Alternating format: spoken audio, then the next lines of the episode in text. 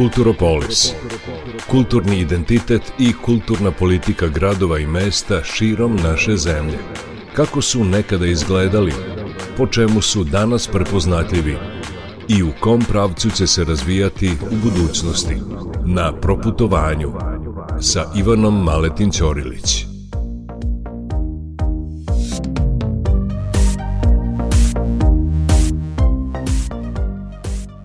Dragi slušaoci, dobroveče. Ja sam Ivana, vodit ću vas kroz Kulturopolis. Krenula sam u posetu najmanjoj opštini u Vojvodini, koja se nalazi na najvećoj nadmorskoj visini od svih vojvođanskih opštinskih centara, Irig.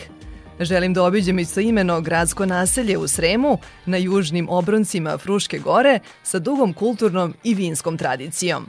Povod za dolazak u Irig su dva velika jubileja – 180 godina od osnivanja prvog i najstarijeg građanskog čitališta u Srba, Srpske čitaonice u Irigu i 100 godina od rođenja Borislava Mihajlovića Mihiza, književnika, književnog kritičara, dramskog pisca i dramaturga. Pitam se, jesmo li svesni njihovog značaja i da li im poklanjamo pažnju koju zaslužuju –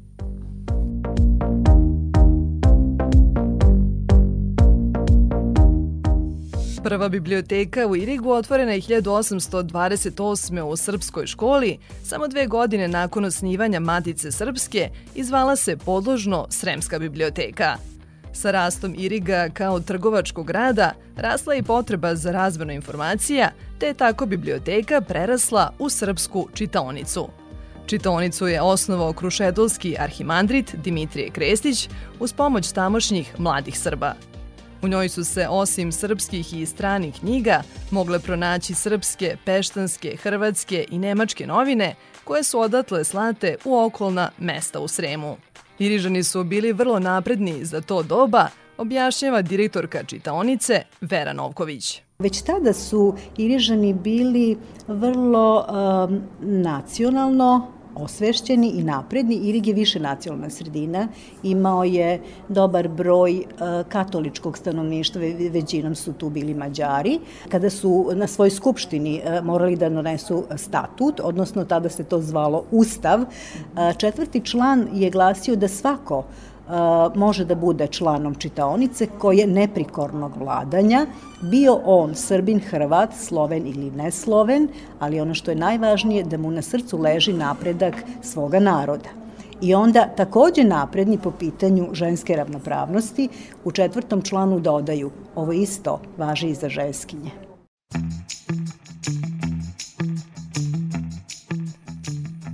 Srpska čitaonica danas je smeštena u prostorijama Starog doma kulture u Irigu na domak puta. Okružena knjigama i pozorišnim kostimima, sedim sa verom za dugim drvenim stolom koji gleda na osnovnu školu Dosite Obradović. Dosite je, kaže, tri godine boravio u obližnjem manastiru Hopovo, pošto je u Irigu radio kao učitelj. Vera sa ponosom ističe da je čitaonica bila i ostala pokretač svih kulturnih aktivnosti na teritoriji opštine Irig. Na inicijativu njenih osnivača oformljeno je i kulturno-umetničko društvo Jovan Jovanović Zmaj, kao i Iriško putujuće pozorište. Zabeleženo je recimo da je e, Iriško putujuće pozorište pozemljivalo kostime tek novo osnovanom Srpskom narodnom pozorištu.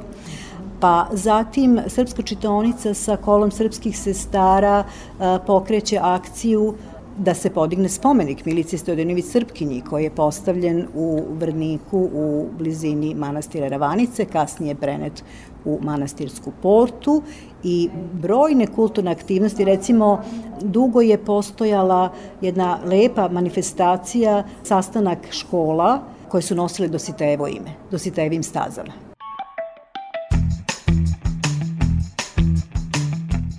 Kažu, dva su zmaja vladala Irigom – Irig je bio posed srpskog despota Vuka Brankovića, koji je narodu poznatiji kao Zmaj Ognjeni Vuk.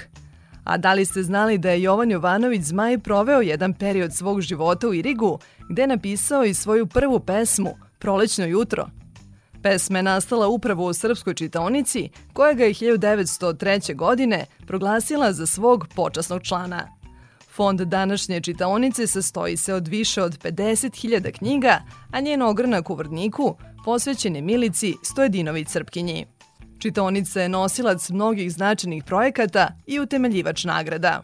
Ove godine će biti 18. godina i dodeljena 18. nagrada mladom dramskom piscu koje nosi ime Borislava Mihajlovića Mihiza.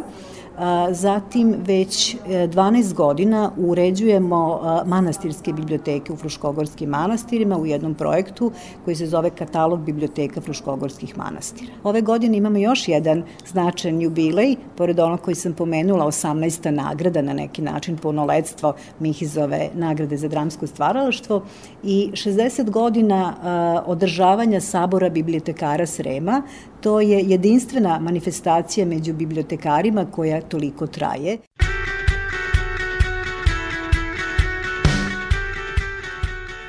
Na inicijativu Srpske čitaonice, a uz podršku pokrajinske vlade i opštine Irig, rodna kuća Borislava Mihajlovića Mihiza 2019. obnovljena i pretvorena u Centar za razvoj kulture. Zamišljena je kao deo projekta pokrajinske vlade Buđenje Fruške gore, čiji je smisao da se duhovno, kulturno i prirodno blago ožive. Vođena tom idejom, očekujem da je otvorena za posetioce, ali je zatičem zaključanu zbog, kako meštani kažu, nedostatka novca da se neko u njoj zaposli. Ipak, budući da je u nadležnosti srpske čitaonice, uspevam da uđem. U multimedijalnoj sali gde se povremeno održavaju različiti kulturni događaji, nalazim se sa profesorkom srpskog jezika i književnosti u lokalnoj srednjoj stručnoj školi Borislav Mihajlović Mihiz, Majom Plavšić. Maja je 2016. godine doktorirala na temu književna disperzija Borislava Mihajlovića Mihiza na Novosadskom univerzitetu. Mihiz imao to jedno pravilo da nikad ne piše dva puta kritiku u istom delu. Ni slučajno, međutim, Prokleta Avlija je delo, dakle, da je Mihiz napravio izuzetak i posle kog je, eto, anegdotski e, e, Mihiz sam posle pisao autobiografiju, da ga je sam Ivan Andrić nazvao i rekao, druže Mihiz, pa ja ni ne znam da sam ja ovo ovako napisao. Eto, kažem, to i možda tekst koji je napisao o Desanki Maksimović povodom mm, njene zbirke Tražim pomilovanje, dakle i tog lirskog dijaloga sa Dušanovim zakonikom. Možda je to recimo da izdvojim te dve kritike kao onako posebne.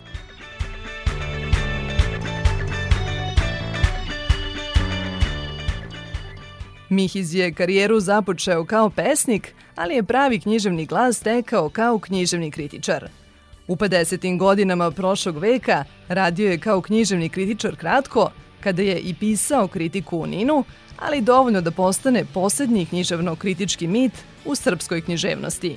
U fokusu istraživanja moje sagovornice bio je upravo taj period njegovog rada. Kada je spremala doktorsku disertaciju, kaže, nije postojala monografija o Mihizu, te se opredelila da radom obuhvati celokupno Mihizovo stvaralaštvo, uključujući i dramsko. Kad se uh, posle drugog svjetskog rata prosto negde taj, ajde uslovno rečeno i grubo rečeno, taj neki nacionalni identitet menja, Mihiz ostaje tvrdoglavo pri korenu u srpskoj književnoj tradiciji. On nastavlja nešto što su svi prekinuli u datom trenutku, čak i ozbiljno se buni i zamera piscima zašto prekidaju nešto čemu su pripadali do tada. On se bavi, dakle, na primjer, Banović Strahinjem, te 1963. godine izlazi drama Banović Strahinja, koja u suštini i dan danas neverovatna, sveža, ozbiljna, duboka. Prosto iz nje možete da iščitate sve one naše uspone, padove, traume, ali i onaj prkos i inat.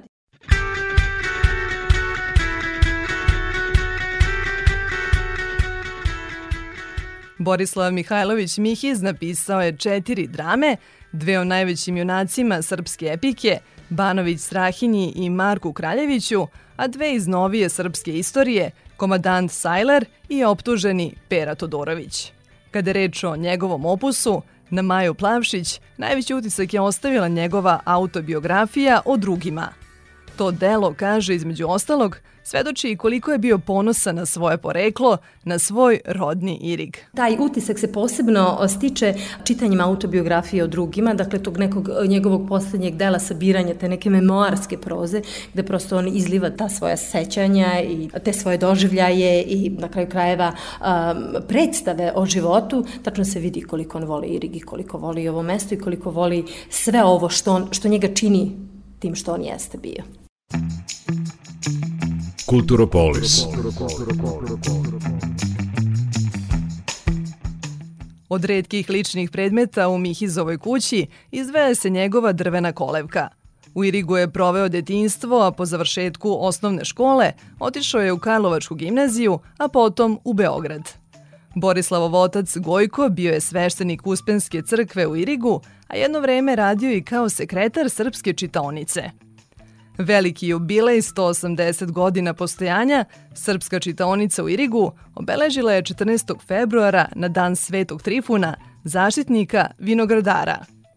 U slavu književnosti i vina, čitaonica godinama organizuje konkurs za najlepšu vinsku pesmu u saradnji sa vinarijom Mačkov podrum iz Iriga, objašnjava vlasnik vinarije Sava Jojić. Naš interes da nam dolaze mladi pesnici, mladi u smislu pesništva, ne u, u smislu godina, a može i u godinama naravno, dolaze oni koji imaju osjećanja i taj uh, senzibilitet, imaju osjećanja za vinograd, za vino i sve ono što ide uz to. To je vrlo kompleksno. Vino je veoma kompleksan proizvod uz koji se vezuje ljubav, osjećanja, entuzijazmi, iluzije, sve to ko to može da udene, utka u desetak, 15, 20 stihova, on je kod nas dobro došao.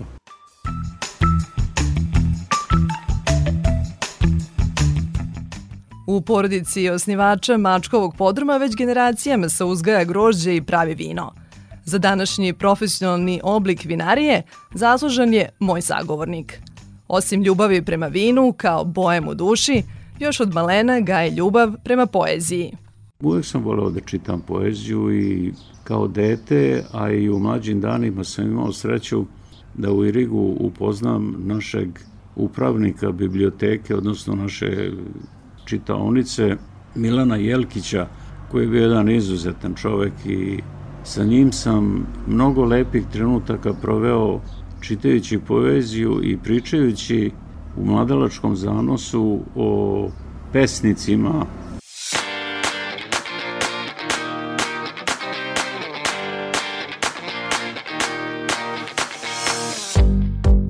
Poslednjih godina u našoj zemlji sve su popularnije vinske ture, koje osim obilaska vinarija i degustacije vina, pružaju priliku posetiocima da se bolje upoznaju sa kulturom i istorijom tog kraja. Potencijal toga prepoznao je profesor srpskog jezika i književnosti Avakum Kvas. Avakum se dugo bavi proučavanjem kulturnog nasleđa Iriga, na šta ga je takođe podstakla Mihizova autobiografija o drugima. 2013. osnova je udruženje uz pomoć kojeg svim snagama pokušava da oživi Irig i vrati ga na staze stare slave.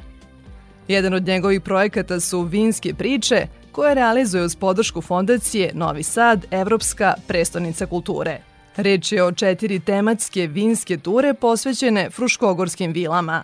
Milici Stojadinovi Crpkinji, Ruskoj grofici i igumaniji Ekaterini, Angelini Branković i Eustahi Arsić, koje bi trebalo da postanu sastavni deo turističke ponude Iriga. U znak počasti i zahvalnosti je po Eustahiji nazvao i udruženje oni su cincari bili, trgovci. Prva žena u Srba koja je objavila knjigu 1814. godine u, u Budimu.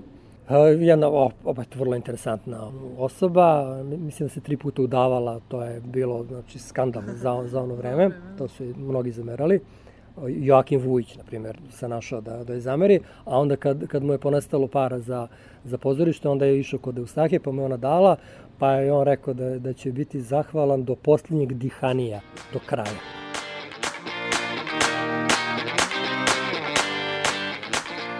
Avakum je i sam napustio grad i odlučio da živi u Irigu sa porodicom, nadahnut bogatom istorijom tog kraja, ali i prirodnim lepotama i mirom kojim odiše. Istran je u naporima da podigne svest i ukaže na njegov značaj, kao i na mnoge znamenite ličnosti koje su duboko uticale na razvoj tog malog sremačkog mesta, koje je nekad imalo više stanovnika od Beograda, ali se posle kuge više nikada nije oporavilo. Zanimljivo je kaže da je od 16. do početka 19. veka Irik bio jedan od guslarskih centara, gde je delovala takozvana Slepačka akademija.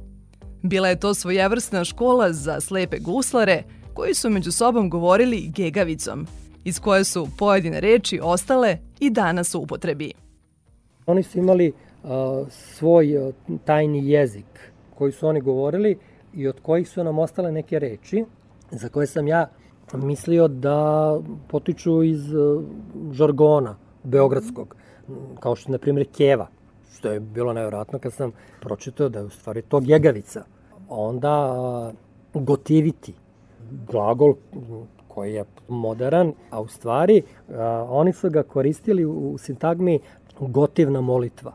A, to je znači molitva koja postiže svoj cilj, koja ide na pravu adresu.